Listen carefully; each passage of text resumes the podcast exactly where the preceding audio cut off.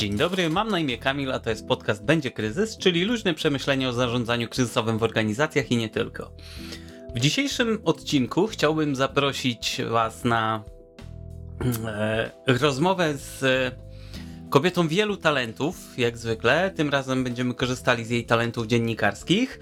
E, chodzi o to, jak rozmawiać z reporterem, czy jak kontaktować się z mediami, e, ale będziemy o tym rozmawiali z perspektywy e, dziennikarza, reportera, czy dziennikarki, reporterki. Także e, witamy Joannę Skutkiewicz. Dzień dobry, dzień dobry, proszę Państwa. Bardzo dziękuję za zaproszenie, bardzo mi miło. Joanno, jakie są Twoje doświadczenia jako dziennikarza? W kwestii zarządzania kryzysami. E, Przyznam szczerze, że nie uważam siebie za jakiś wielki autorytet w tej dziedzinie. Zresztą, jak umawialiśmy się wczoraj czy przedwczoraj na to spotkanie, to e, też bardzo wyraźnie to zaznaczyłam, że nie mam być może jakiegoś ogromnego doświadczenia, ponieważ właściwie bardziej niż reporterką jestem dziennikarką i redaktorką. Jest to różnica subtelna, ale jednak e, dosyć ważna. Mm, ja robię właściwie ostatnio dużo wywiadów z ludźmi w kryzysie, jako że no, mamy pandemię, więc właściwie każdy z nas jest w jakimś, w jakimś jakiegoś rodzaju kryzysie. E, czy to ekonomicznym, czy jego firma upada, czy w kryzysie osobistym. E, więc z tej perspektywy jak najbardziej mogę się wypowiedzieć, e, tylko oczywiście chciałabym, żeby to wybrzmiało, że no, nie jestem, nie uważam siebie za jakiś wielki autorytet w tym zakresie i oczywiście chętnie się podzielę doświadczeniami. E, I raczej bzdurnie naopowiadam, natomiast e, bardzo możliwe, że ta wiedza moja i doświadczenie nie będzie tak pełne, jak miałoby to miejsce w przypadku na przykład reporterów, którzy e, na co dzień są w ogniu walki, że tak to ujmę. No tak, niemniej pytania, które, które przygotowałem, czy tematy, które przygotowałem, są myślę z gatunku tych, z którymi dasz sobie radę. Wierzę w ciebie. E, I może od razu przejdźmy w takim wypadku do pytań. Pierwsze pytanie to jest, jak rozmawiać z dziennikarzem, żeby go do siebie nie zrazić? Przede wszystkim serdecznie, myślę, bo no to jest właściwie najważniejsze. Mm, ja nigdy nie kieruję się do nikogo ofensywnie, do swojego interlokutora, że tak powiem. Chcę być jego partnerem, nie chcę być jego wrogiem. Y, nigdy mi się nie zdarzyła sytuacja, żebym chciała rozmawiać z kimś ofensywnie, nawet nie zgadzając się z nim, e, zawsze jednak zwracam się do niego mocno po, parter, po partnersku i też chciałabym być tak traktowana, e, bo jednak jako dziennikarka muszę pozostawać obiektywna i nawet jeżeli mam jakieś swoje zdanie na dany temat, to bardzo nie chcę, żeby ono wybrzmiało. No tak, czyli mówisz po, traktować po partnersku, czyli zdecydowanie nie traktować dziennikarza jako intruza, czy e, jeszcze gorzej jako idioty. Tak, zdecydowanie. Bo niektórzy, niektórzy mają taką tendencję na zasadzie ja się znam na tym, co robię, w związku z czym mówię do ciebie z pozycji siły, czyli, czyli e, takiego podejścia należy de facto unikać. Tak, zdecydowanie. Bo tak jak mówię, no nigdy się nie kieruję z pozycji ofensywnej, więc ja nigdy nie chcę świadomie zaszkodzić komuś, z kim chcę porozmawiać. I bardzo bym chciała, żeby zawsze ta druga osoba o tym wiedziała. I jeżeli się zdarza tak, że e, człowiek się do mnie kieruje właśnie z takiej pozycji, mm, że na przykład ja nie jestem ekspertem w jego dziedzinie, to zawsze jestem w stanie mu powiedzieć prawdę. To znaczy, oczywiście, że nie jestem ekspertem w tej dziedzinie, bo gdybym była, to nie byłabym interlokutorem jego do wywiadu, tylko bym była jego na przykład koleżanką z pracy. E, natomiast e, bardzo możliwe, a wręcz graniczy to z pewnością, że w takim razie odbiorca, czyli czytelnik portalu, E, czy publikacji, która zostanie opublikowana, również nie jest w tej dziedzinie specjalistą. Więc to akurat nawet dobrze, że ja nie jestem specjalistą również, tylko jestem specjalistą w innej dziedzinie, e, bo dzięki temu przekaz będzie bardziej przystępny. No tak, to, to prowadzi do takiego wniosku, że um, co, co do języka, którym należy się komunikować, to znaczy trzeba założyć, że pojęcia, które, które dla osoby mówiącej o danym kryzysie, czy przedstawiającą e, sytuację w danym kryzysie, e, te, ten język musi być dostosowany do odbiorcy, e, w tym przypadku również do dziennikarki czy do dziennikarza. E, I y, to jest coś, do, w sprawie czego trzeba uczulić rzecznika, czy tego, kto się w ramach danej organizacji kontaktuje z mediami, właśnie, żeby, żeby nie zakładał, że pewne pojęcia, które, które w branży są rozumiane jako podstawowe i się ich de facto nie definiuje, będą zrozumiałe dla odbiorcy. Tak, aczkolwiek e, jeżeli jest w ogóle taka osoba jak rzecznik prasowy, to właściwie pół biedy, bo zwykle ci rzecznicy prasowi są jednak wyszkoleni, jeżeli chodzi o rozmowy z dziennikarzami. Bardzo często oni zresztą sami e, wywodzą się z branży dziennikarskiej, więc e, zawsze też można dopytać po prostu, jeżeli pojawia się jakieś słowo, jakiś termin, który nie będzie zrozumiały dla czytelników, no to po prostu mogę o to zawsze dopytać. E, natomiast gorsza sytuacja jest wtedy, kiedy nie ma rzecznika, bo tutaj mogę na przykład przytoczyć przykład e, kryzysów, jakie mamy w branży gastronomicznej. Wtedy, kiedy rozmawiamy z osobami, którym no, de facto siadają biznesy albo już siadły, e, no to właściwie rozmawiamy z właścicielami, bo to oni zwykle są tymi przedstawicielami branży i swojego przedsiębiorstwa w stosunku do mediów. Więc wtedy rzeczywiście trzeba dbać o to, żeby ten przekaz był y, gładki, że tak to ujmę. Natomiast, no tak jak mówię, ja nie jestem po to, żeby jeszcze podtopić przedsiębiorstwo, z którym rozmawiam, tylko wręcz przeciwnie. Jako dziennikarz chcę podać rękę temu właścicielowi i pomóc mu na tyle, ile jestem w stanie mu pomóc redakcyjnie. Więc jeżeli coś jest niejasne, to ja zawsze, zawsze podam pomocną dłoń i chętnie poprowadzę. No, to skoro jesteśmy przy y, temacie podawania dłoni, e, to żeby, żeby jak gdyby wyciągnąć tą dłoń w drugą stronę, Jakie informacje powinno przekazać się w, w, w, takim pierwszym komunikacie, jeżeli publikujemy jakiś komunikat, komunikat medialny, albo e, jakie informacje powinno się przygotować dla, dla dziennikarki, dziennikarza, dla mediów, e, żeby, żeby właśnie wyciągnąć tą rękę też w tą stronę i, i ułatwić pracę? Jeżeli mój pierwszy kontakt jest osobisty albo telefoniczny, więc de facto też osobisty, to ja zwykle informuję, jakich e, informacji potrzebuję Natomiast y, jeżeli sprawa jest rzeczywiście bardzo pilna i w przedsiębiorstwie jest rzecznik prasowy, to zwykle na szczęście możemy liczyć na to, że ten rzecznik już przygotuje informację, która na szczęście zwykle jest dosyć pełna. Jeżeli nie jest, to po prostu ktoś z nas zawsze chwyta za telefon, dzwoni i dopytuje. I z mojego doświadczenia wynika, że większe firmy, chociaż nie tylko większe, ale zwłaszcza większe, na szczęście potrafią przygotować informacje tak, że właściwie ten chwyt za telefon już jest y, bezpośrednio przed kliknięciem opublikuj, bo tak naprawdę już z informacji prasowej jesteśmy w stanie stworzyć dosyć, czy no zupełnie rzetelny tekst o tym, co się wydarzyło. Rozumiem, czyli y, no, no a wracając do tego, co się powinno znaleźć, rozumiem, że jakiś opis stanu faktycznego na przykład, tak?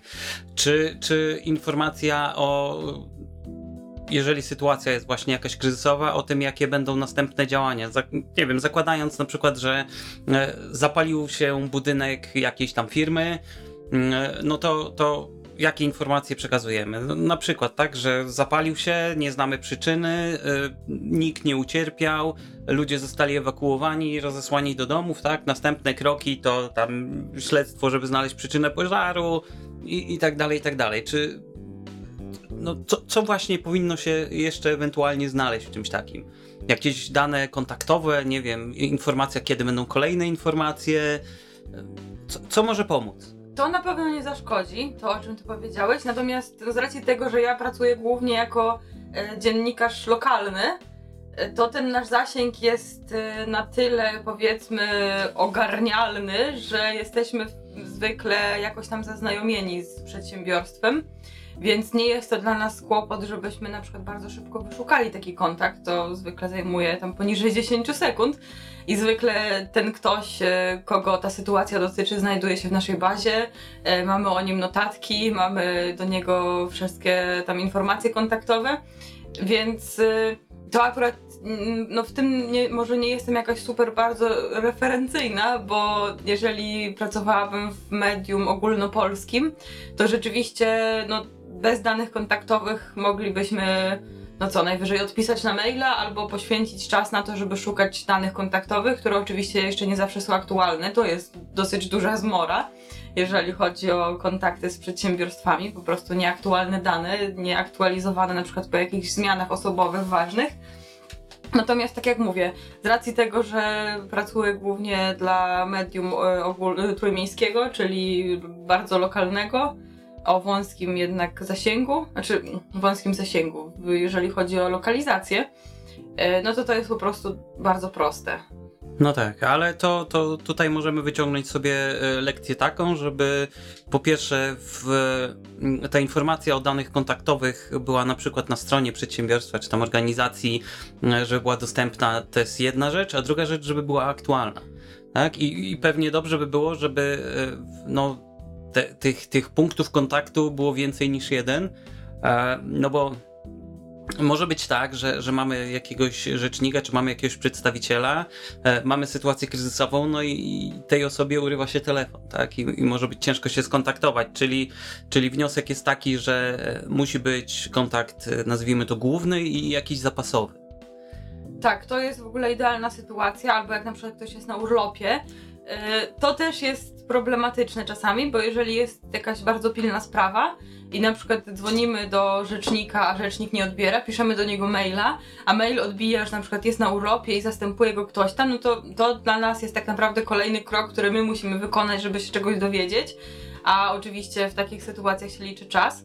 I tutaj mogę akurat przytoczyć taki przykład, że co piątek albo mm, w każdy ostatni dzień roboczy przed jakąś przerwą, która trwa więcej niż dzień, chociaż właściwie nawet całodniową też, przy na przykład jakimiś jednodniowymi świętami, e, od niektórych instytucji, zwłaszcza miejskich, związanych z miastem, dostajemy maila takiego newsletterowego, kontakt dla dziennikarzy e, w razie nagłych zdarzeń na dni takie i takie. I tam hmm. jest napisane, kto będzie odbierał telefony, w jakich godzinach najlepiej dzwonić, mail i tak naprawdę no to załatwia sprawę, bo to jest dla nas po prostu wtedy 3 sekundy, żeby się dostać do kontaktu, który nam będzie potrzebny.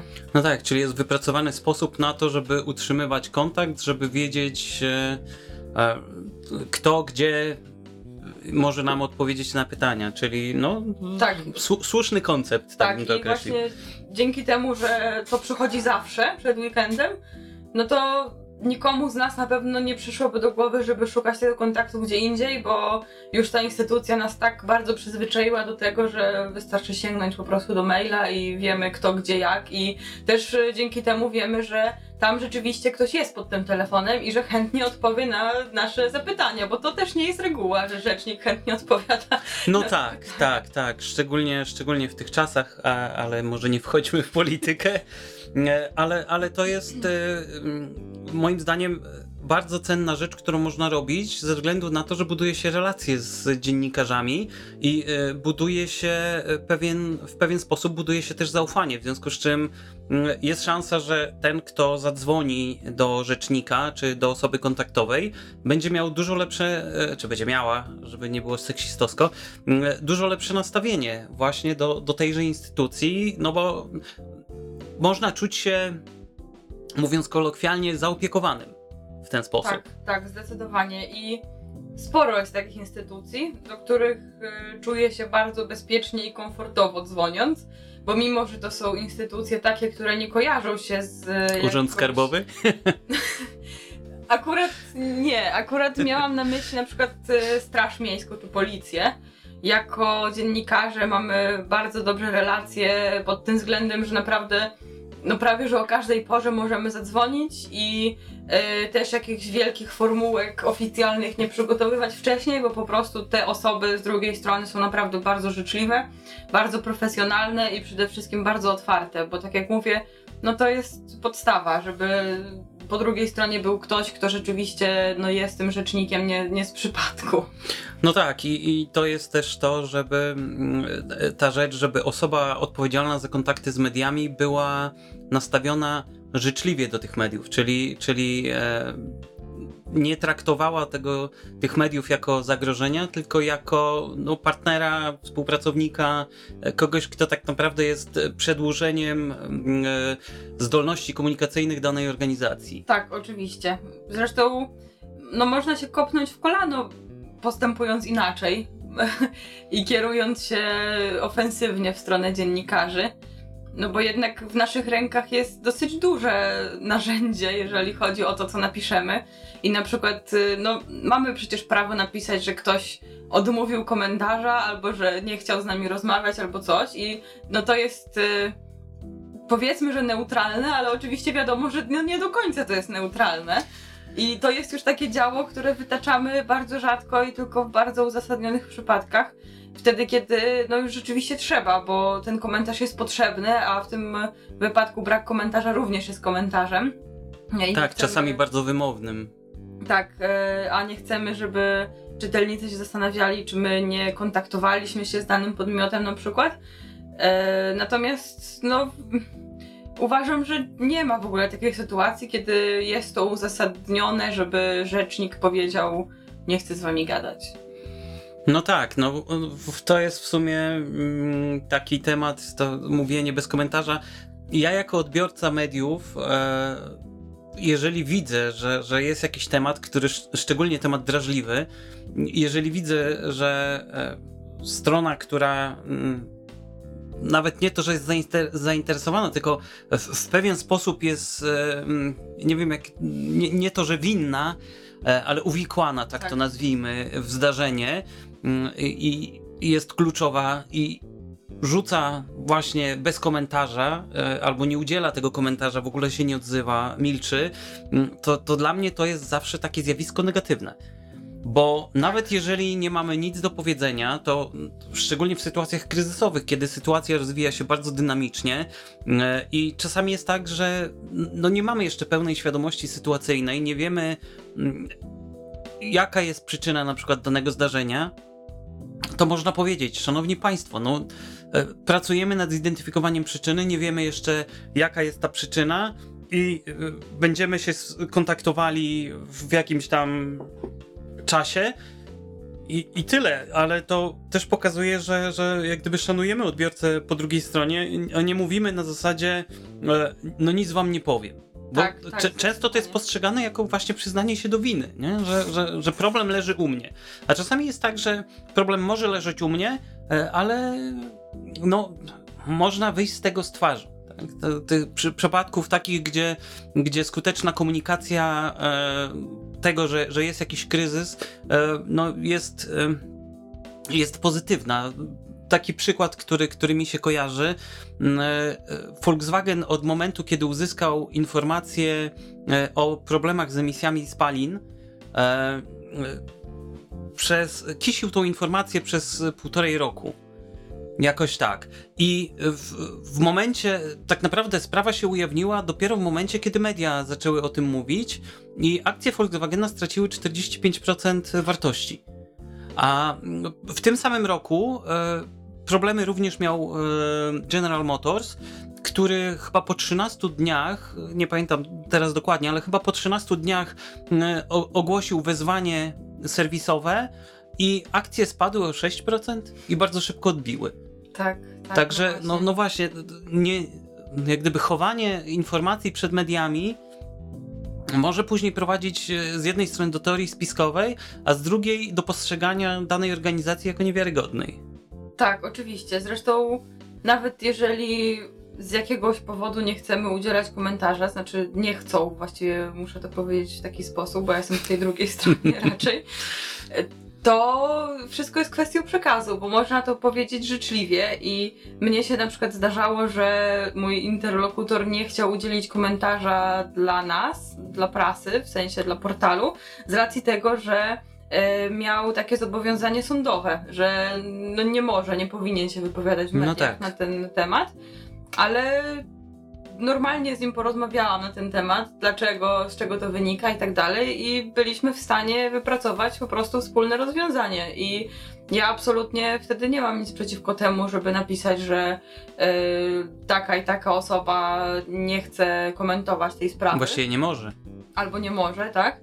Ale no wtedy wszystko jest autoryzowane, jesteśmy, że tak powiem, dogadani pod tym względem, że wszystko jest za porozumieniem, no i wtedy nie ma problemu. I no rozumiem, roz, zupełnie wtedy rozumiem takie stanowisko. No tak, ale to, no właśnie, bo tutaj dochodzimy do takiego zagadnienia jak e, zmienianie e, e, tematu w trakcie rozmowy z mediami, czy, czy unikanie tematu, czy, czy no, takie lawirowanie mm, no to, to, to utrudnia kontakt z mediami moim zdaniem i e, no właśnie takie unikanie, zmienianie tematu, odpowiedź nie na temat. Jak ja rozumiem, że to się, że dziennikarze źle to postrzegają. E, no właśnie, a jak się dziennikarze przed tym bronią?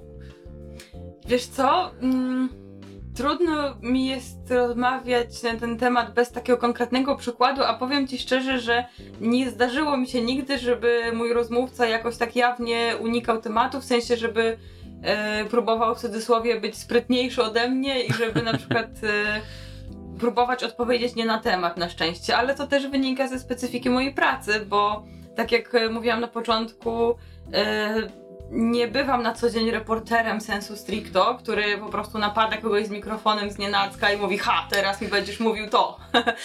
Tylko raczej e, odbywam rozmowy, które są no może nie zawsze zapowiedziane, ale mm, też rzadko, czy może inaczej, ja po prostu staram się, naprawdę się staram być nieofensywna i myślę, że mi to wychodzi, więc e, nawet jeżeli naprawdę chcę rozmawiać z kimś, e, kogo szanuję tylko jako człowieka, natomiast nie szanuję go za jego poglądy, powiedzmy to sobie wprost, to nigdy nie daję mu tego odczuć, że uważam, że jego poglądy to gówno. No tak, tak, tak. Nie, no znaczy od razu mi przychodzi do głowy, e, jak, jak mówię o zmianie tematu czy unikaniu tematu, e, przychodzi mi, mi e, słynna wypowiedź rzecznika wodociągów kieleckich, który później e, wyjaśnił, dlaczego tak się zachow- zachował wobec reportera TVP e, i, i moim zdaniem e, to, to, jak się tłumaczył, ma sens, no bo on się tłumaczył, że poprzednie wypowiedzi, które, których udzielał, były przeinaczane i, i E, były pewne zdania wyrywane z kontekstu i przedstawiane w taki sposób, żeby były jak najbardziej szkodliwe dla, dla niego i jego organizacji. E, ale, ale to był właśnie taki przykład, że padało pytanie i odpo odpowiedzią była standardowa form formułka, że wodociągi kieleckie są najlepsze w rozwiązywaniu, w usuwaniu awarii, to jest poziom europejski, może nawet światowy i tak dalej, i tak dalej. Okay. E, także, ale, ale właśnie unikanie tematu to jest ten przykład z Volkswagenem oni próbowali schować pewne rzeczy, dziennikarze to, to jest um, społeczność, nazwijmy to dociekliwa. I przynajmniej część e, tej społeczności ma um, takie zacięcie, żeby, żeby dochodzić do źródeł, żeby identyfikować te źródła tak. i żeby, żeby opierać się na faktach, e, niezależnie od tego, czy one są wygodne, czy niewygodne. Już pominijmy temat e, wspomnianej TVP, no bo to, to, co tam się w tej chwili wydarza z rzetelnym dziennikarstwem tak. e, ma bardzo niewiele wspólnego. E, zresztą w innych mediach też są takie przykłady, żeby tak. nie było, e, ale, ale właśnie, no, no takie, taka tendencja do drążenia i do drążenia tematu, dążenia do prawdy e, jest u dziennikarzy znana. I mimo tego ludzie próbują tematów unikać, próbują rzeczy jakieś chować, e, licząc na, na to, że, że ktoś się nie dowie, a później jeżeli się okazuje, że mm, jest jakaś wypowiedź e, dla dziennikarza, to zostanie opublikowane i dziennikarze później dojdą jeszcze do jakichś, odkryją, że no tak naprawdę ktoś ściemniał, tak? Ktoś kłamał mm, albo zatajał pewne fakty, no to, to stawia daną organizację e, czy daną osobę w dużo gorszym świetle.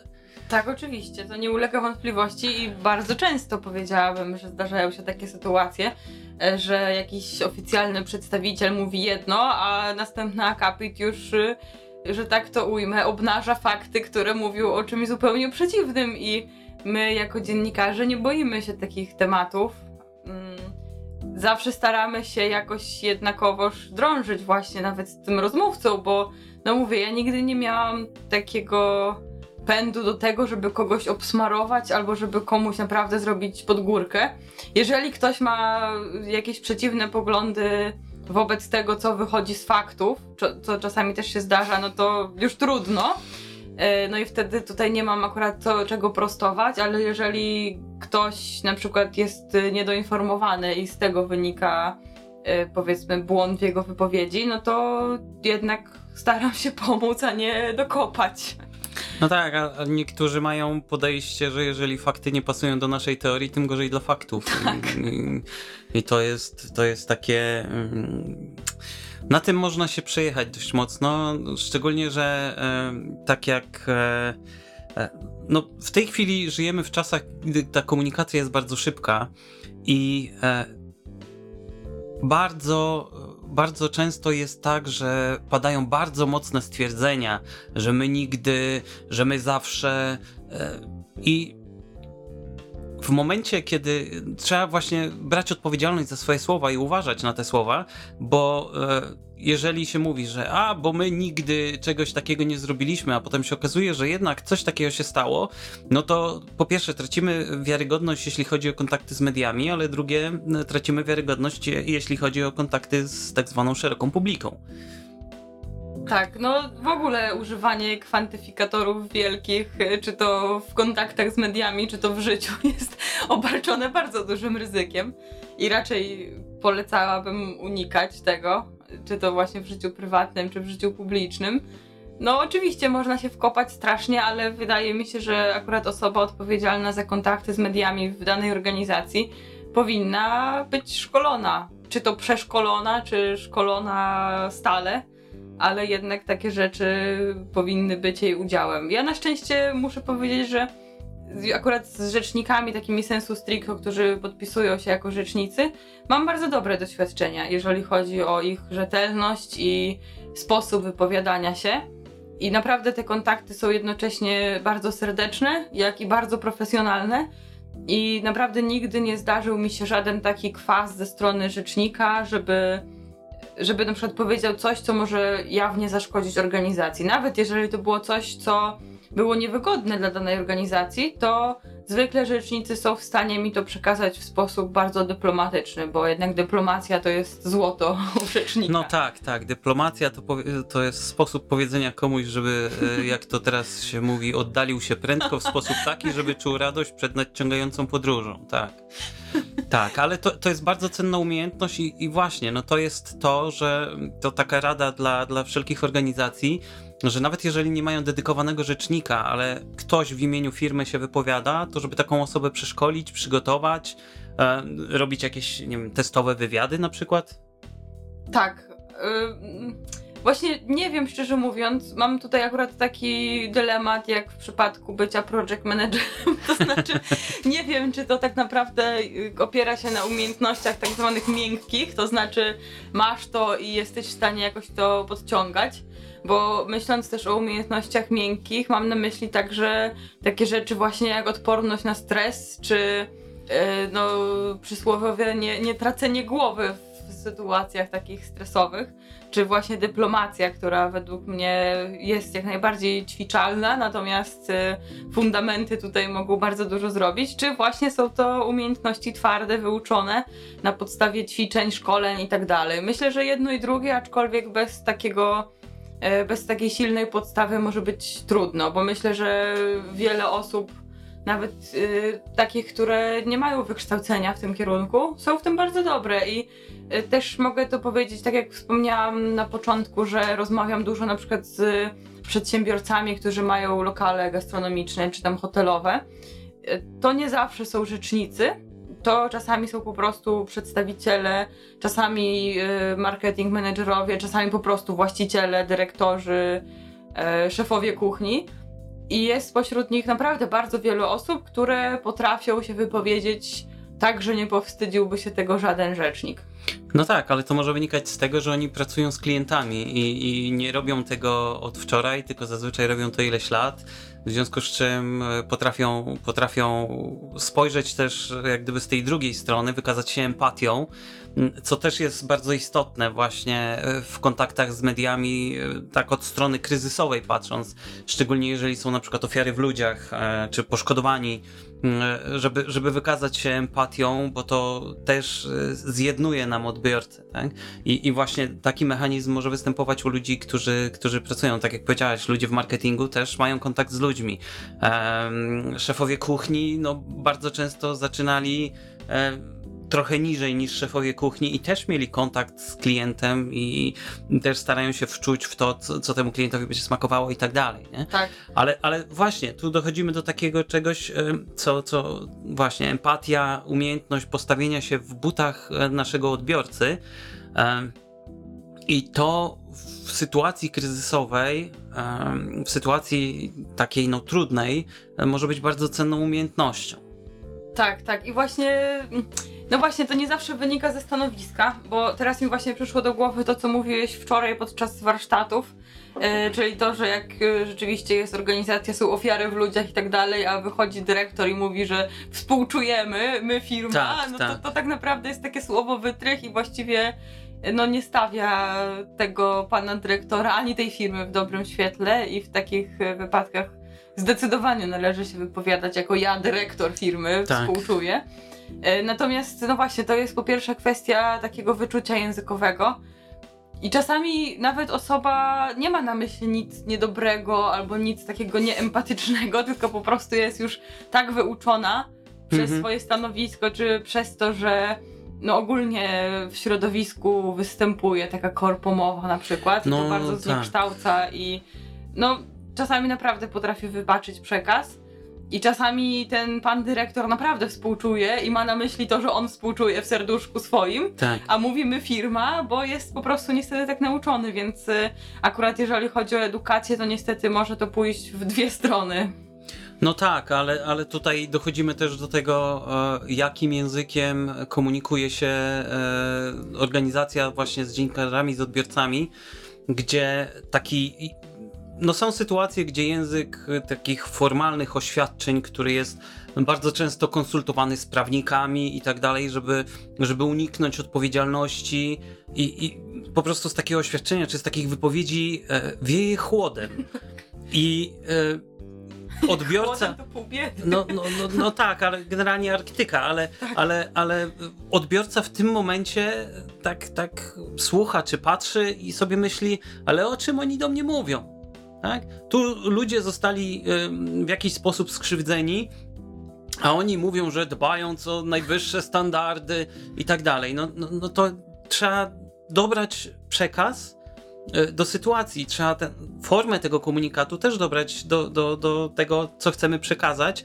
I no tak jak powiedziałaś właśnie, mm, e, jak, jak coś się stało, e, to był taki przykład y, właśnie, o którym mówiłem wczoraj w trakcie warsztatów, że y, w pewnym parku rozrywki w Stanach miał miejsce wypadek na roller coasterze, na kolejce górskiej y, i trochę osób zostało rannych. W ciągu kilkunastu minut od zdarzenia CEO, prezes firmy wyszedł i powiedział właśnie w sposób taki pojawił się na miejscu i od razu mówił, że jest mu bardzo przykro, że do czegoś takiego doszło, że y, już y, opiekują się ludźmi, rodzinami, które są na miejscu, zapewniają pomoc psychologiczną dla, dla ludzi, którzy są gdzieś dalej, organizują to wszystko. E, w ciągu kilkunastu minut od, od samego zdarzenia została zdjęta strona e, tej, tej, tego parku i zamieniona na stronę informacyjną, gdzie tak naprawdę minuta po minucie pojawiały się informacje o tym, co się dzieje, jaki jest status, ile osób jest rannych, w jakim stanie. E, te same informacje były przekazywane przez call center, te same informacje były publikowane w social mediach i w tych mediach społecznościowych w momencie momencie, kiedy pojawiało się jakieś pytanie, tam byli dedykowani pracownicy, którzy na te pytania odpowiadali. I oni byli też przeszkoleni z tego, żeby właśnie komunikować się w sposób empatyczny, współczujący, uwzględniający to, co się wydarzyło. Bo takie coś, e, no, takie zdarzenie jest zawsze bardzo nieprzyjemne i można je rozdmuchać i zrobić z tego jeszcze ekstra kryzys, albo można to, to źle zabrzmi, skorzystać z okazji, ale można, można E, stanąć na wysokości zadania i nie pogarszać tej sytuacji, nie utrudniać e, jak gdyby pokrzywdzonym poradzenia sobie i, i im, ich bliskim, poradzenia sobie z taką sytuacją. I generalnie skutek e, czegoś takiego, te, tej, tej całej kampanii, e, którą informacyjnej, którą, którą podjął ten park rozrywki, e, był taki, że no i oni byli transparentni co do przyczyn i tak dalej, to zostało wyjaśnione. Skutek był taki, że oni tak naprawdę nie stracili żadnych klientów.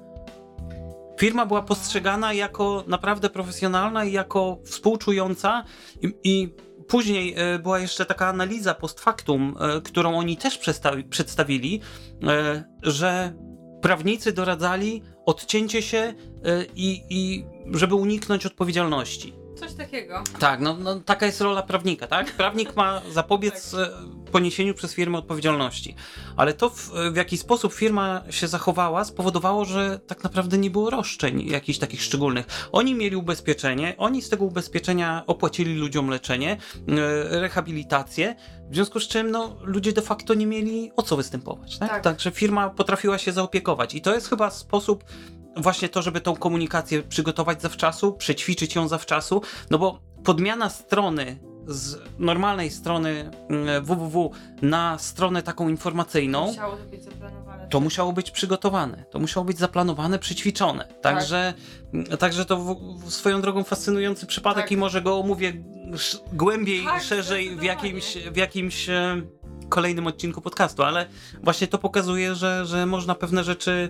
E, przygotować, do pewnych rzeczy się przygotować i nawet w sytuacji stresowej, mając szablony, y, takie listy kontrolne i tak dalej, można po prostu odhaczać punkt pod punkcie. Nie trzeba wtedy w tym chaosie kombinować. Jezu, co my teraz powiemy? Nie? To jest trochę tak jak piloci, no nie? Którzy tak. jeżdżą na symulatory lotu nie po to, żeby sobie polatać śmieszniejszymi tak. samolocikami, tylko po to, żeby właśnie w sytuacji kryzysowej, kiedy mają przy sobie życie powiedzmy 200 osób, mogli zadziałać automatycznie właśnie odhaczając kolejne rzeczy. Ale A to, to, mówisz... to tak wejdę ci w słowo no, no. tylko, bo y, pracowałem kiedyś y, dla firmy córki Lufthansa i miałem szansę patrzeć e, jak e, działają e, właśnie piloci w symulatorach, że, że tam jest taka tablica kontrolna, gdzie, gdzie instruktor po prostu wybiera sobie na przykład, że no dobra, no to mamy, mamy tak, lecicie sobie i nagle przy starcie wyłączają się wam oba silniki, nie? I co robicie? I, i generalnie ci piloci wychodzili z tego symulatora spoceni jak myszy. Tak. Oni po prostu wychodzili mokrzy, bo dla nich to był przeogromny stres i na przykład ćwiczyli ten scenariusz z e, utratą obu silników w trakcie startu. E, za pierwszym razem oni próbowali nawrócić i wylądować na równoległym pasie. I koniec końców okazało się, że tam chyba przy, przy piątej czy przy szóstej próbie oni zamiast kontynuować i próbować coś skręcać, po prostu wylądowali e, według symulatora, połamało im się podwozie i tak dalej, i tak dalej ale de facto nic więcej się nie stało. Mimo, że mieli zbiorniki pełne paliwa, tak, scenariusz w symulatorze zadziałał tak, że, że okej, okay, nic się nie stało, udało się. Tak? Mhm. Ten samolot się potłukł, połamał, ale ludzie no zostali tak, no. uratowani. Nie? Ostatnio się potłukły samoloty na lotnisku w Gdańsku, bo ciężarówki nie mogły wyhamować. Tak, Dwa razy tak. wjechały w wizery biedne. Tak, tak. To, to, to właśnie też jest kwestia tego, że, że niby się odśnieża, tak. usuwa, się, usuwa się oblodzenie, ale... Ale jaki przypał w ogóle. No, no, no tak tak, ale to też jest kwestia tego właśnie, że e, to była rzecz, którą można było przewidzieć. Tak, Jeżeli zrobić by porządne zarządzanie ryzykiem, e, no, no to, to jest rzecz, którą można przewidzieć i do takich zdarzeń teoretycznie nie powinno dochodzić, a do nich tak czy owak dochodzi. Tak. E, przyczyny są różne, e, bo ktoś mógł to przewidzieć, ktoś mógł stwierdzić, że okej, okay, trzeba trzymać taki taki dystans od, od samolotu, jak jeżdżą samochody, albo jak podjeżdżają samochody, e, to muszą podjeżdżać z niską prędkością w trudnych warunkach i tak dalej, a kierowca na przykład mógł to zignorować. Mm, e, no ale mogło być tak, że ktoś tego nie przewidział. Nie? No tak, oczywiście. Ale właśnie jak mówiłeś o tej sytuacji w tym parku rozrywki z tym rollercoasterem, to w ogóle tyle myśli mi od razu przyszło do głowy, bo sprawa jest rzeczywiście strasznie wielowątkowa. Mhm. I no nie znam tej sprawy, teraz o niej usłyszałam po raz pierwszy z twych ust, ale właśnie zastanawiam się bardzo, to teraz no zgaduję kompletnie, ale domyślam się, że faktycznie mieli dużo rzeczy przećwiczonych, tak. ale na przykład samo to, że ten CEO był w stanie po prostu fizycznie wyjść i wydać jakieś oświadczenie, to wydaje mi się, że oprócz tego przygotowania, przećwiczenia, musieli mieć e, albo trochę szczęścia, że on był na miejscu i że był w stanie rzeczywiście fizycznie wyjść i wygłosić to oświadczenie, albo podjął po prostu bardzo dobrą decyzję. I wydaje mi się tutaj, już wchodząc w inny wątek, że właśnie taka silna osobowość, która jest w stanie podjąć despotyczną decyzję w momencie kryzysu i powiedzieć, dobra prawnicy, teraz okej, okay, szanuję waszą decyzję, znaczy szanuję wasze e, rady, ale ja zrobię inaczej i wyjść i zrobić po swojemu, to jest mega złoto. No bo nie każdy by z czegoś takiego wybrnął. E, ale to jest e, tak, jak tam ta analiza pokazała. Oni zadziałali zgodnie z wartościami, które, które firma wyznawała. Mm, I e, tam generalnie wartości były takie, że e, ludzie najpierw e, to ma być ich, dla nich wartością była rodzina, która spędza u nich dobrze czas.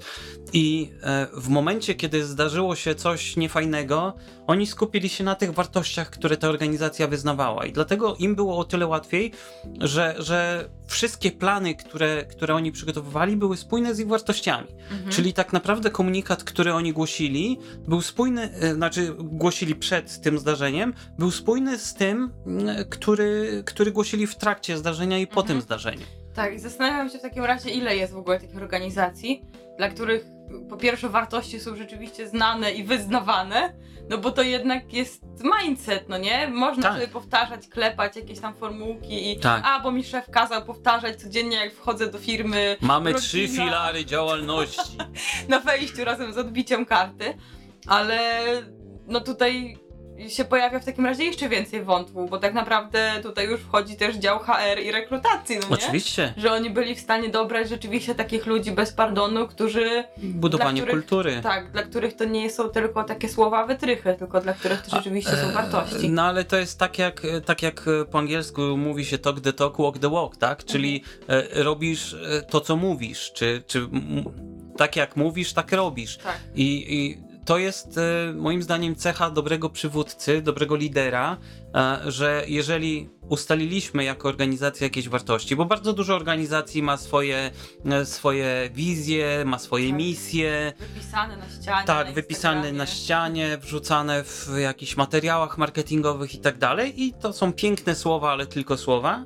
A część organizacji, i ja miałem na przykład przyjemność pracować z, z człowiekiem, który pewną, e, znaczy jako firma mieliśmy pewną, pewną misję, pewną, pewien sposób działania i mój szef e, tak za skutecznie e, zaszczepił nam te wartości, że nawet po tym jak już nas, nasz zespół się rozszedł, szef się zmienił, było tak, że te wartości w nas zostały i myśmy dalej je wyznawali i były takie jedną z takich wartości było e, współpraca czy wzajemne się wspieranie. I nawet e, w, momencie, jeżeli, e, no myśmy już ze sobą jako zespół nie pracowali, ale jeżeli ktoś z mojego dawnego zespołu do mnie zadzwonił i powiedział, że potrzebuje pomocy, to ja praktycznie rzucałem wszystko i pomagałem, tak? No bo taką kulturę mieliśmy zbudowaną.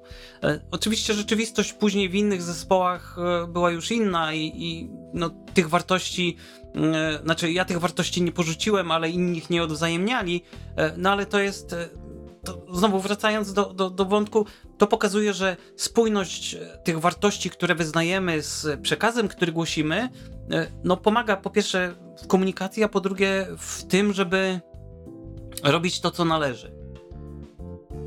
No to jest też wielowątkowe, bo to przecież można by odnieść do każdej sfery życia, nie? I akurat sfera służbowa jest tutaj bardzo ważna, no bo jednak większość z nas spędza w pracy więcej czasu niż w domu i więcej czasu spędza w biurze niż śpi na dobę. Więc y, no absolutnie, ale spójność jest ogólnie spoko i w tej takiej kulturze e, instagramizacji niestety ta spójność jest coraz mniej, wydaje mi się, wartościowana nie wiem, czy używam tutaj dobrego słowa, ale przetłumaczyłam je sobie w głowie z angielskiego. No tak, jest coraz mniejszą wartością, tak. tak. Ale, ale to jest, e, no, szczególnie w kontekście um, Światowego Dnia Walki z Depresją, który, który mieliśmy kilka dni temu, mm, to jest to, że e, bardzo często okazuje się, że ludzie, którzy z Instagrama, czy, czy z mediów społecznościowych, czy z telewizora się do nas uśmiechają, mają poważne problemy psychiczne i, i depresja, z którą ja osobiście też się zmagam, e, jest... jest na antenie. tak, możemy przybić pionę. też jest, no, to jest bardzo ciężka choroba i to nie jest tak, jak niektórym się wydaje, że, że a, idź pobiegaj, tak? To ci się poprawi, albo poleż chwilę na słońcu. To, to, to tak nie działa. Ale właśnie jest to, że, że mamy rozjazd tego przekazu, że przecież wszyscy dookoła są piękni, uśmiechnięci, zadowoleni z życia. To jak, jak oni mogą mieć depresję? No mogą, mogą. I ludzie, którzy odnoszą wielkie sukcesy, okazuje się, że cierpią na depresję i z tego powodu popełniają samobójstwa na przykład. Albo robią sobie krzywdę. Tak, aczkolwiek wydaje mi się, że to akurat jest trochę inny wątek niż to, o czym rozmawialiśmy przed no, chwilą. Też. Bo, bo ja miałam na myśli akurat to, że warto być spójnym. A to, o tak. czym ty mówisz, czyli uśmiech plus depresja, nie są niespójnością, według mnie. Yy, tylko są tak, ale znaczy są dysonansem ludzkiej. poznawczym dla, dla tak, ludzi, którzy tak, się nagle tak, dowiedzą, że, yy, że no przecież na zewnątrz on ta, taki ciepły człowiek, taki uśmiechnięty, a okazuje się, że, że ma poważny problem i, i, i następuje taki rozjazd, że ale jak to? Nie? Tak. I tak samo, tak samo jest, znaczy tak samo, no jest pewna analogia, jeśli chodzi o, o spójność właśnie tego, co głosimy jako firma, czy jako organizacja z komunikatem i, i znaczy tego komunikatu z tym, co robimy jako organizacja. No i właśnie ten park rozrywki, koniecznie muszę nagrać ten no. podcast, e, e, pokazał, że, że spójność z własnymi wartościami jest e, naprawdę potężną e, potężną mocą, tak to nazwijmy, ponieważ pomaga sobie radzić. Mamy taki kompas, mamy wskazany przez te wartości kierunek. Jeżeli idziemy zgodnie z tym kierunkiem, to, to będziemy się mogli w cudzysłowie wy, wybronić, tak? Generalnie tak naprawdę zrobić to, co należy zrobić. Oczywiście, no jeżeli nasze wartości są złe i są nakierowane na to, żeby, e, żeby szkodzić komuś, no to wiadomo, że postępowanie z tymi wartościami nawet e, e, będzie spójne, ale nie, nie będzie dobre, tak? I, i ostatecznie dla, taka organizacja no, no, nie, nie będzie odnosiła z tego tytułu korzyści. Tak, tak, zdecydowanie. No mm, no mówię, spójność jest takim bardzo szerokim wątkiem i jest ogólnie, ja propsuję spójność. No tak, a, ale to a propos, a propos spójności, to tak mi y, przyszło do głowy, bo często, znaczy często, zdarza się tak, e, to, to z, z różnych przypadków, o których sobie czytałem, wiem, że rzecznik czy, czy przedstawiciel mediom mówi, że no, y, jest fajnie, walczymy o, o lepsze jutro, mm, czy, czy w, jakiejś sytuacji kryzysowej, tak, radzimy sobie, jest, jest dobrze, mamy wszystko pod kontrolą, a potem padają e, trzy słowa pod tytułem off the record i off the record, czyli po, poza mikrofonem mówi się, że a no. E, no nie, nie jest dobrze, nie? Nie jest dobrze. To od razu mi się przypomina kawał z, z nie jest dobrze, ale może nie będę, nie będę go mówił teraz, bo jest lekko niecenzuralny. ale, ale, ale właśnie, no tu mamy, mamy taki rozjazd i mm, jak dziennikarz e, reaguje, nie wiem, może miałaś taki przypadek, jak, jak ktoś ci mówi, że ale off the record powiem ci tak, po, po, poza nagraniem powiem ci, że. Nie miałam nigdy takiej sytuacji i nawet trudno mi sobie wyobrazić coś takiego, że ktoś mi powie, że a to opublikuj, że jest super ekstra bomba szał, a potem mi powie, że ale tak już poza anteną mówiąc to jest beznadziejnie i w ogóle ledwo wiążemy koniec z końcem. No nie wyobrażam sobie takiej sytuacji, Mm, na pewno. A co byś zrobiła w takiej sytuacji, jak, jakbyś miała? Pospekulujmy. no, nie, nie zakończyłabym tej rozmowy na tym, bo wtedy bym powiedziała, no halo, halo, to w takim razie chyba musimy coś uspójnić, bo przed chwilą pan powiedział, że XYZ, a teraz pan mówi, że ABC, więc jak jest naprawdę? I poprosiłabym o wypowiedź raz jeszcze i być może nie od razu nagrywano, tylko po prostu chciałabym usiąść z tym człowiekiem i uspójnić to. No bo tutaj tak naprawdę wracamy do samego początku tej rozmowy e, i tego, że no ja naprawdę nie chcę dokopać komuś, ale myślę o wszystkich stronach tego wszystkiego, No tak, no czyli bo- i o czytelnikach, i o tym, z kim rozmawiam, bo nie może być tak, że ja teraz w cudzysłowie zrobię dobrze temu, z, który, z kim rozmawiam, a czytelnik się dowie czegoś, co nie jest prawdą. No to ja wtedy mam też w tym swój udział, prawda? No tak, tym, no bo nie czytelnik- jesteś uczciwa z e, odbiorcą swoim. Tak, więc absolutnie coś takiego nie wchodzi w grę. E, No i absolutnie bym dążyła do tego, żeby po prostu nawet nie tyle ofensywnie przycisnąć człowieka, ale żeby poprosić go o e, komentarz do tego, co powiedział przed chwilą. No tak, a, a, a z- pospekulujmy dalej, zakładając, e, ja wiem, trudne, trudne sprawy, Trudne sprawy. e, ale, ale pospekulujmy dalej. No, okej, zakładamy, że próbujesz rozmawiać z kimś takim e, ktoś ci mówi nie, nie, nie, możemy, nie możemy pokazać prawdy. Co wtedy robisz jako, jako dziennikarka? Publikujesz materiał, czy stwierdzasz, że, że, że, że nie? Albo czy, czy publikujesz informację jakąś bez, bez tego, co ci dany człowiek powiedział? Raczej bym, powie- raczej bym napisała, że nie udało się uzyskać spójnych informacji od rozmówcy. Okej. No, wydaje mi się, że. Czy, no to mówię, to jest taka już mega spekulacja, bo no, nigdy nie miałam takiej sytuacji, żeby faktycznie ktoś mi powiedział coś, a potem odwołał to, ale już off the record autoryzował wypowiedź ABC, mimo że się okazuje, że prawdą jest XYZ. Natomiast y, gdyby tak było, gdybym się o tym dowiedziała i gdyby ten ktoś powiedział, ale nie, nie prostujmy tego, niech pani opublikuje to, co powiedziałem XYZ, czy tam ABC, bo już nie pamiętam, co mówiłam w poprzednim zdaniu. ABC było nieprawdą, XYZ było prawdą. Tą prawdziwą prawdą. XYZ XYZ, było, dobra. Czyli, że no to niech pani opublikuje ABC w takim razie. No to nie, no absolutnie, żebym się nie zgodziła na to, bo no byłoby to już jawne okłamywanie czytelnika. Może się zdarzyć, że ktoś wprowadzi nas w błąd i że nie będziemy w stanie tego zweryfikować. Oczywiście, no bo nie jesteśmy przecież wszechwiedzący. Natomiast y, jak tylko byśmy się o tym dowiedzieli jako dziennikarze, to natychmiast byśmy wprowadzili poprawkę, aktualizację i tak dalej. E, No więc, e, no mówię, tutaj są trzy strony tej relacji zwykle, czyli ja jako pośrednik, który ma z jednej strony czytelnika, z drugiej strony tego rozmówcę. E, No i ja tak naprawdę jestem tutaj tylko pośrednikiem, ja tu tylko sprzątam w cudzysłowie, a chodzi o to, żeby czytelnik się dowiedział tego, co jest u mojego rozmówcy i odwrotnie bardzo często też. Czyli jesteś takim przekaźnikiem, Tak, nośnikiem prawdy. taka Maryjka, kurczę. E, no, no tak, ale to, właśnie to jest. E, jak to powiedzieć, żeby. żeby e, generalnie jest tak, że kłamstwo ma krótkie nogi zazwyczaj i szczególnie w sytuacji kryzysowej.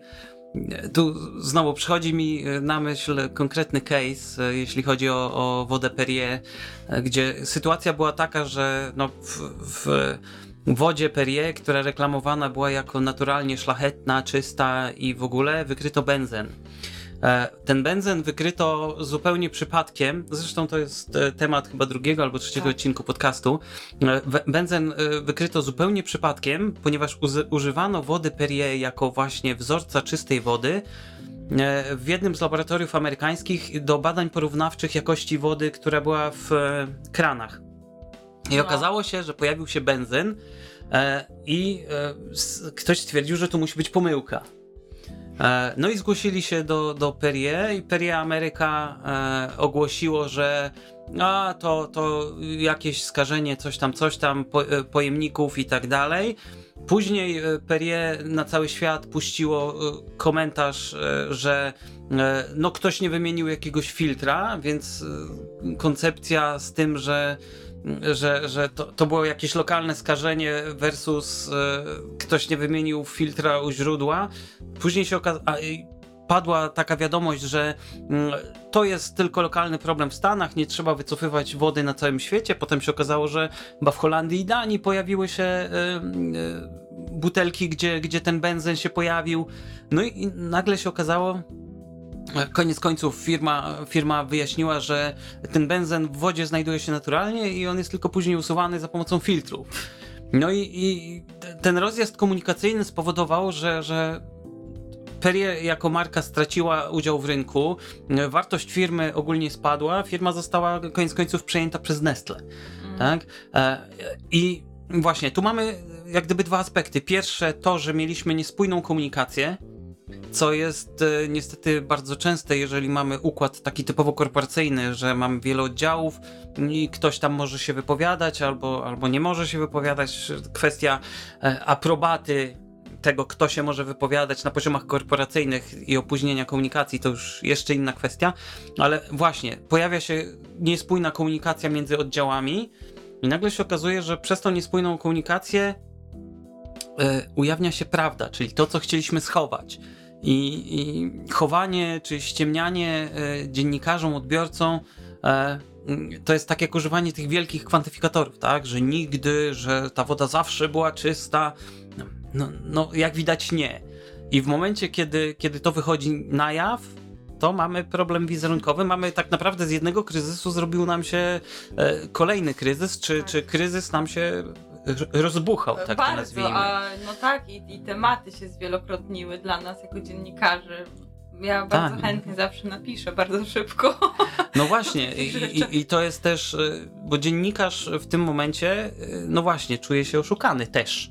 tak, oczywiście. I, I to może spowodować, że nastawienie dziennikarza, gdzie ty mówisz, że starasz się być obiektywna, jeżeli dowiesz się, że ktoś ci łgał w żywe oczy, to twoje nastawienie siłą rzeczy e, się zmieni. Nawet jeżeli będziesz dalej próbowała być obiektywna, to i tak z tyłu głowy będziesz miała, że ktoś ściemniał, tak? I no ciężko jest to obiek- znaczy obiektywnie nawet jak przedstawisz, że ktoś ściemniał, to to już będzie przez odbiorcę e, traktowane negatywnie. Tak, oczywiście, ale z mojego doświadczenia wynika, że no już e, ten końcowy odbiorca, czyli czytelnik, no to jest inna sprawa, znaczy już czytelnik musi dostać jak najbardziej obiektywną informację i jak najpełniejszą. Natomiast e, nawet w takich sytuacjach nie trzeba jako dziennikarz czuć kwasu i zwracać się ofensywnie do tego, który naugał. Ja zawsze staram się, no ja jestem chyba trochę nadempatycznym człowiekiem i zawsze się staram mimo wszystko zrozumieć tę drugą osobę, nawet jeżeli mm, nie rozumiem tego na takim poziomie, że no ja bym tak nie zrobiła. I nawet jeżeli no, ten ktoś bardzo traci w moich oczach, nawet jako człowiek, no to mimo wszystko staram się mm, pomyśleć, jakie mogły być potencjalne powody, dla którego coś takiego się wydarzyło. Czy na przykład został przyciśnięty przez mobbingującego go szefa, yy, czy nie wiem, czy chciał po prostu rozpaczliwie ratować swoje przedsiębiorstwo i dlatego jakąś tam prawdę zataił. Oczywiście to, co ty mówisz o wodzie Perlache, no to Perlier, Perrier. per, Perrier właśnie, Perrier, no to już jest, Perla. była taka woda jak... Jest cisowianka Perlaszy Właśnie. reklamowana. No Ale to polska marka, nie ma związku z wodą Perrier, Jak Kamil także wyciągnął kolaszkę, to możesz mi też nalać. mogę ci nalać, tak. No. E, No to już jest gruba sprawa, bo tutaj też narażone jest życie i zdrowie, jak mnie mam przez ten benzen nieszczęsny. Tak, no benzen e, jest e, substancją rakotwórczą, także... także No więc tak, no to już jest taka totalnie gruba sprawa. No na szczęście nie zdarzyło mi się nigdy interweniować w takiej grubej sprawie. Natomiast, y, no właśnie, drobne kłamstewka, którym ja również gardzę na poziomie takim emocjonalnym jako człowiek, jednak naprawdę staram się zawsze zrozumieć, dlaczego tak się to wydarzyło, a nie inaczej. W sensie, dlaczego ktoś coś zataił, ktoś coś przeinaczył, więc... y, No tak, ale tu w przypadku Perrier w ogóle mamy zbudowanie marki na kłamstwie. Tak, tak, to jest gdzie, straszne. gdzie e, no właśnie, od początku było twierdzenie, że ta woda jest krystalicznie czysta z gór i w ogóle z, z cudownego źródła, A tu się a tu się okazuje, że źródło jest cudowne, ale z benzenem. Nie? Tak, no. To, to e, była, była taka marka wody, którą e, jedna z firm próbowała w Wielkiej Brytanii wprowadzić właśnie jako super, hiper czystą wodę, gdzie mm, no, nie, nie powiedzieli, że to jest woda tak naprawdę super hiperczysta ze względu na to, że jest tak przefiltrowana, mm, a de facto wodę, tą wodę biorą po prostu z kranu. Tak? Mhm. Tylko, że ta woda jest uszlachetniana w procesie produkcji. Tak, kraniczanka, ale właśnie oczyszczona, tam wzbogacona minerałami i tak dalej. Takie wody y, konkurencja sprzedawała na, na rynku brytyjskim. I y, one, te- wody sobie bardzo dobrze radziły, tylko było od początku powiedziane, że, że to jest kranowa, która jest oczyszczona, uszlachetniona Mhm. a, czy, czy uzdatniona dodatkowo. A tutaj próbowali to ukryć. Dziennikarze tuż przed e, oficjalnym wprowadzeniem do sprzedaży to odkryli. Pojawiły się artykuły i marka jako taka no, została wprowadzona na rynek i chyba 6 miesięcy wytrzymała i została wycofana. No Rachel, nie? No bo to naprawdę już jest taki gruby przekręt. I wydaje mi się, że tutaj odpowiedzialność może być bardzo szeroka i e, bardzo długo może taki producent być pociągany do odpowiedzialności i to z bardzo wielu stron. Mm, Ale to też jest w sumie głębszy temat, bo ja w sumie wychodzę z założenia, że takie wielkie koncerny no to zwykle ściemniają albo coś zatajają, albo po prostu kłamią w żywe oczy. E, No chociażby, no też trochę dotknęłam marketingu w życiu swym, już nie takim krótkim przecież. E, No tak. I... To też już jest pewien kryzys w tym momencie. Ale to już Joanno, czy ja widzę pierwsze siwe włosy? No nie takie pierwsze właśnie niestety. Właśnie niestety nie takie pierwsze, ale wracając do wątku głównego, no to e, tak jak mówię, ja wychodzę z założenia, że takie duże koncerny no to zwykle coś mają do zatajenia. E, mm, I czasami to się nazywa po prostu niewinną tajemnicą przedsiębiorstwa, czasami to się nazywa jakimiś tam chwytami podprogowymi, wyświetlaniem reklam na tam 300 sekundy, co na szczęście teraz jest zabronione. E, Natomiast no, bardzo dużo chwytów przecież jest stosowanych. Zresztą tutaj też się pojawia już kolejny i kolejny wątek. Można by tak, tak naprawdę tutaj grzebać i robić taką incepcję totalną. E, Bo można się zastanawiać w ogóle nad tym, czy taki marketing jest etyczny, no nie? Typu na przykład to, że jak sobie rozmawiamy tutaj przy twoim iPhone'ie, to zaraz będziesz miał reklamę, wiesz, no może nie wody tej, która się nazywa jak? Właśnie. Już nie będę się błaźnić po raz drugi. Ale... Ale może się pojawić i Sowianka Perlasz. No. A właśnie, i może się tak, może się właśnie ci Sofianka Perlasz, albo jak na przykład teraz powiem Adidas Nike, this is the Reebok or the Nike, to może ci się za 15 minut pojawi właśnie na Facebooku Reebok or the Nike, nie? no może tak być, może tak być. No i to E, jest taka już rozkmina etyczna, nie? Znaczy, no właśnie, ale to jest też e, temat, e, który moglibyśmy poruszyć w nawiązaniu do, do tego, o czym rozmawiamy, czyli z jednej strony e, etyka mm, organizacji, tak?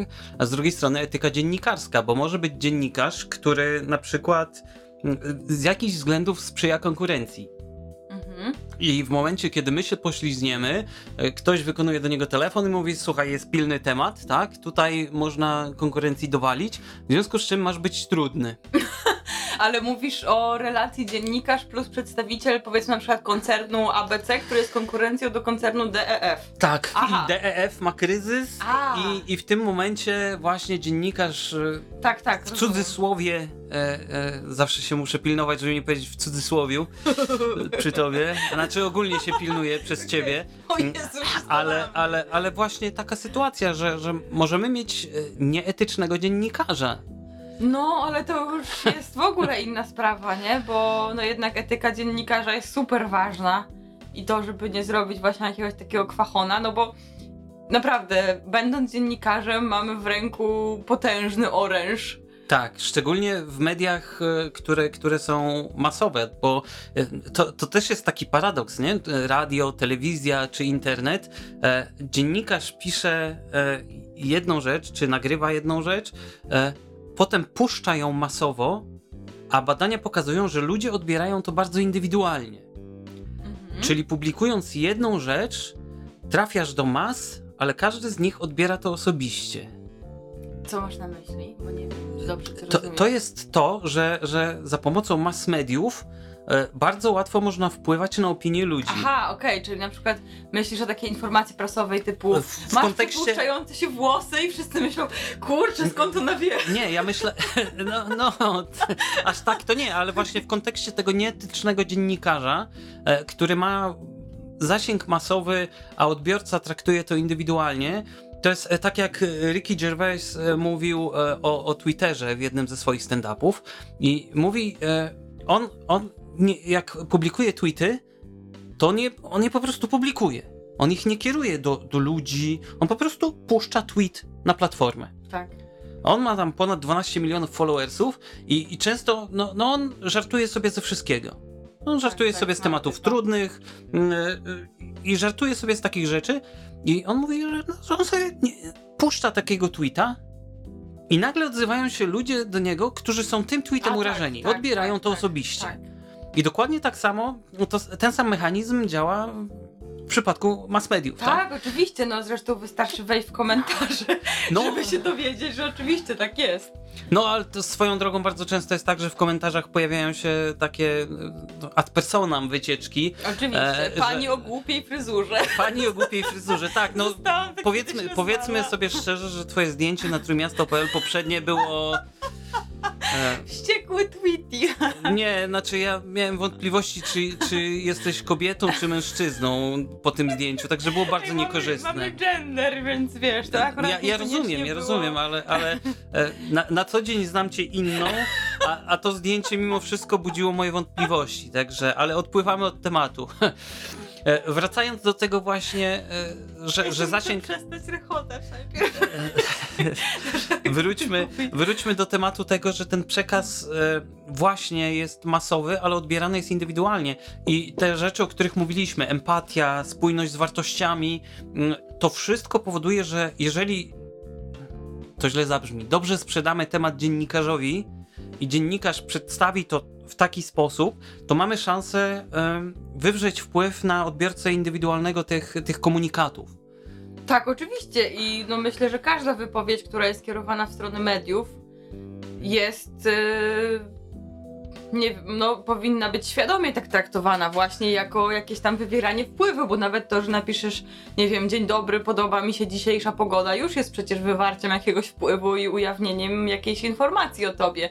Natomiast y, jak mówiłeś o tym, że mm, o etyce dziennikarskiej, o tym, że e, dziennikarz świadomie może zadziałać przeciwko komuś, żeby zrobić dobrze komuś, no to mm, kurczę.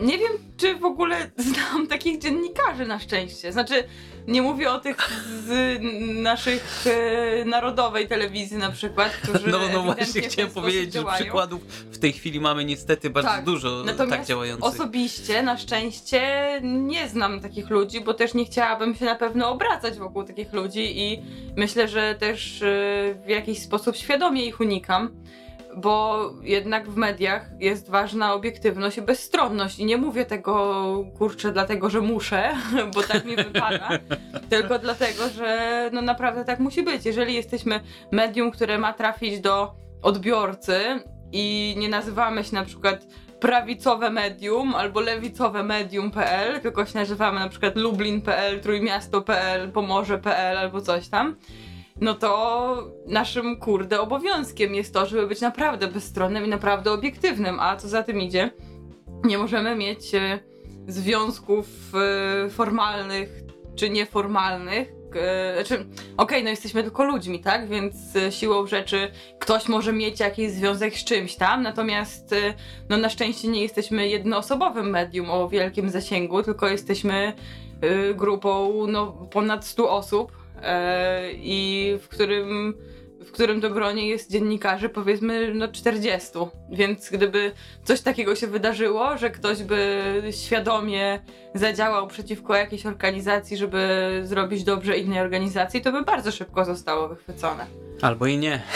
Myślę, że byłoby, bo Znaczy, jednak nas po to- prostu to jest... jest- za dużo i za silną naszą wartością jest to, żebyśmy byli rzeczywiście bezstronni, czy to politycznie, czy to jakoś tam organizacyjnie. No tak, ale z drugiej strony możemy wejść w dyskusję filozoficzną, czy, czy jednostka, która ma swoje poglądy, może być e, uniwersalnie obiektywna, tak? To moglibyśmy zaprosić profesora filozofii, który nam by to wyłożył w słowach, których byśmy nie zrozumieli e, i za pomocą tak, za pomocą e, konstrukcji myślowych, których też byśmy nie ogarnęli, także to, to dyskusja filozoficzna. Ja uważam, że można manipulować w taki sposób, żeby nie zostać wykrytym, e, manipulować na czyjąś korzyść e, i to wcale nie musi być takie oczywiste, można to robić subtelnie, jak gdyby podbijając pewne problemy, które Tak, tak, jakaś tak, tak, organizacja ma.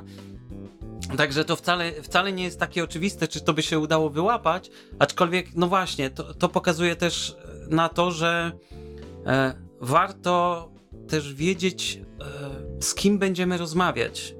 Bo jeżeli na przykład e, pojawia się u nas dziennikarz i wiemy, że on ma jakieś określone poglądy, e, czy to prawicowe, czy lewicowe, nie ma znaczenia, to trzeba wiedzieć, że on będzie patrzył na nas przez pewien filtr. No I tak, będzie zawsze- patrzył też, będzie, nie będzie patrzył na to przez, na, przez nasz filtr. Niekoniecznie. Wiesz co, naprawdę powiem ci, że niekoniecznie. Mogę tutaj przytoczyć taki przykład, e, trochę mikro będzie to przykład, ale według mnie to nie jest akurat źle, bo jednak im niżej w takiej hierarchii rozumianej e, powszechnie, znaczy może do rzeczy, bo tutaj się za- zakałam. zakałam Zaczynamy filozoficzne- Się, tak, bez sensu w jakichś wielkich słowach, a ja po prostu mogę powiedzieć o co chodzi. E, Chodziło o to, że jestem też e, koordynatorem teraz serwisu Zwierzaki, więc bardzo często gadam z ludźmi, e, powiedzmy, typowymi kowalskimi. I była taka sytuacja, ja bardzo dużo piszę o świadomym posiadaniu zwierząt, o świadomym opiekowaniu się zwierzętami, czy to dzikimi, czy właścicielskimi. I miałam taką sytuację, że mm, musiałam, powiedzmy, interweniować w sytuacji takiej, że musiałam porozmawiać i z organizacją, która została posądzona o kradzież zwierzęcia, i z właścicielami, którzy de facto, no, z mojej perspektywy zdecydowanie to zwierzę zaniedbali i mm, no źle postąpili z tym zwierzęciem, po prostu. No i oczywiście, żeby opublikować na ten temat tekst, to mimo tego, że z, akurat z tą organizacją jestem w takich stosunkach wręcz koleżeńskich, e, no to z nimi było mi bardzo łatwo porozmawiać i od nich e, jakieś tam stanowisko wyciągnąć. Natomiast, żeby opublikować rzetelny tekst, musiałam też porozmawiać z drugą stroną. I mm, mogę powiedzieć, że jestem dumna z tego, że y, po rozmowie z tą drugą stroną, ta druga strona absolutnie nie czuła się w żaden sposób zaatakowana przeze mnie.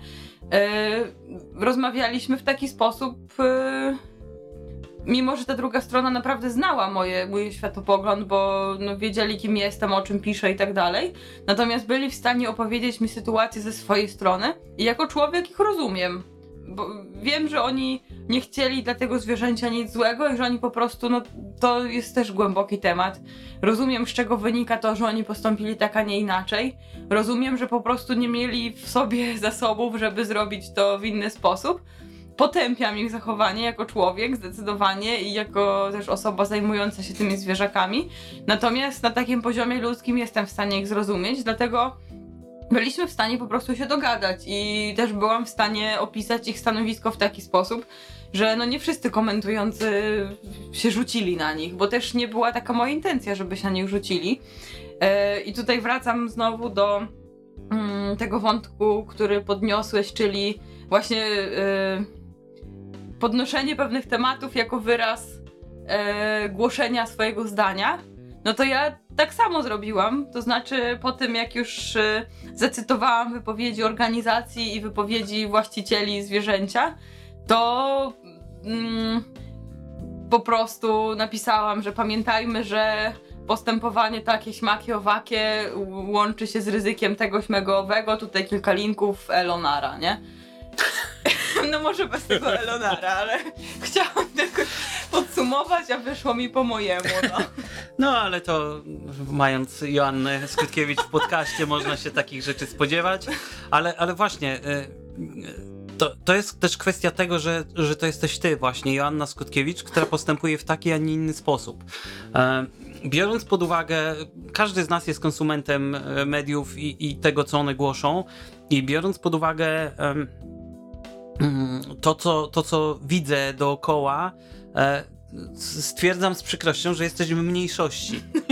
No, E. też jest mi przykro z tego powodu, aczkolwiek dziękuję, bo słyszę w tym jakiś komplement. No, no to oczywiście, że jest komplement, e, ale, ale właśnie, to jest też kwestia tego, że, że e, patrzymy przez, na świat przez pewne filtry i nawet komunikując się, tutaj też możemy dojść do tego tematu precyzji komunikatu, który, który dajemy do mediów. To znaczy, my możemy coś mówić i nam się może wydawać, że przekazujemy pewien komunikat, E, który, który powinien być jasny dla drugiej strony, a druga strona w tym komunikacie może wyczytać zupełnie inne rzeczy i, i może to właśnie, próbując zachować obiektywność nawet, przedstawić to w inny sposób, bo inaczej zrozumiała e, to, co my mówimy.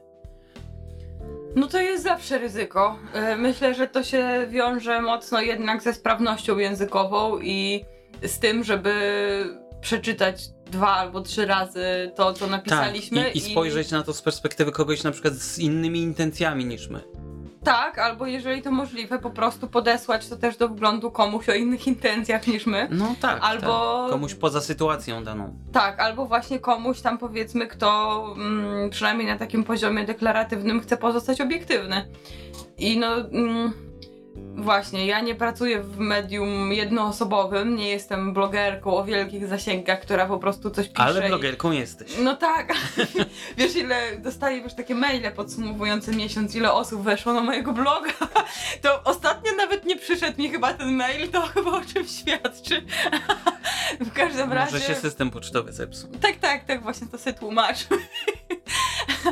w każdym razie, no ja pracuję jednak w dużej grupie osób i w żaden sposób się nie czuję bezkarna w takim sensie, że a, coś opublikuję i to jakoś tam chyłkiem przemknie, no nie?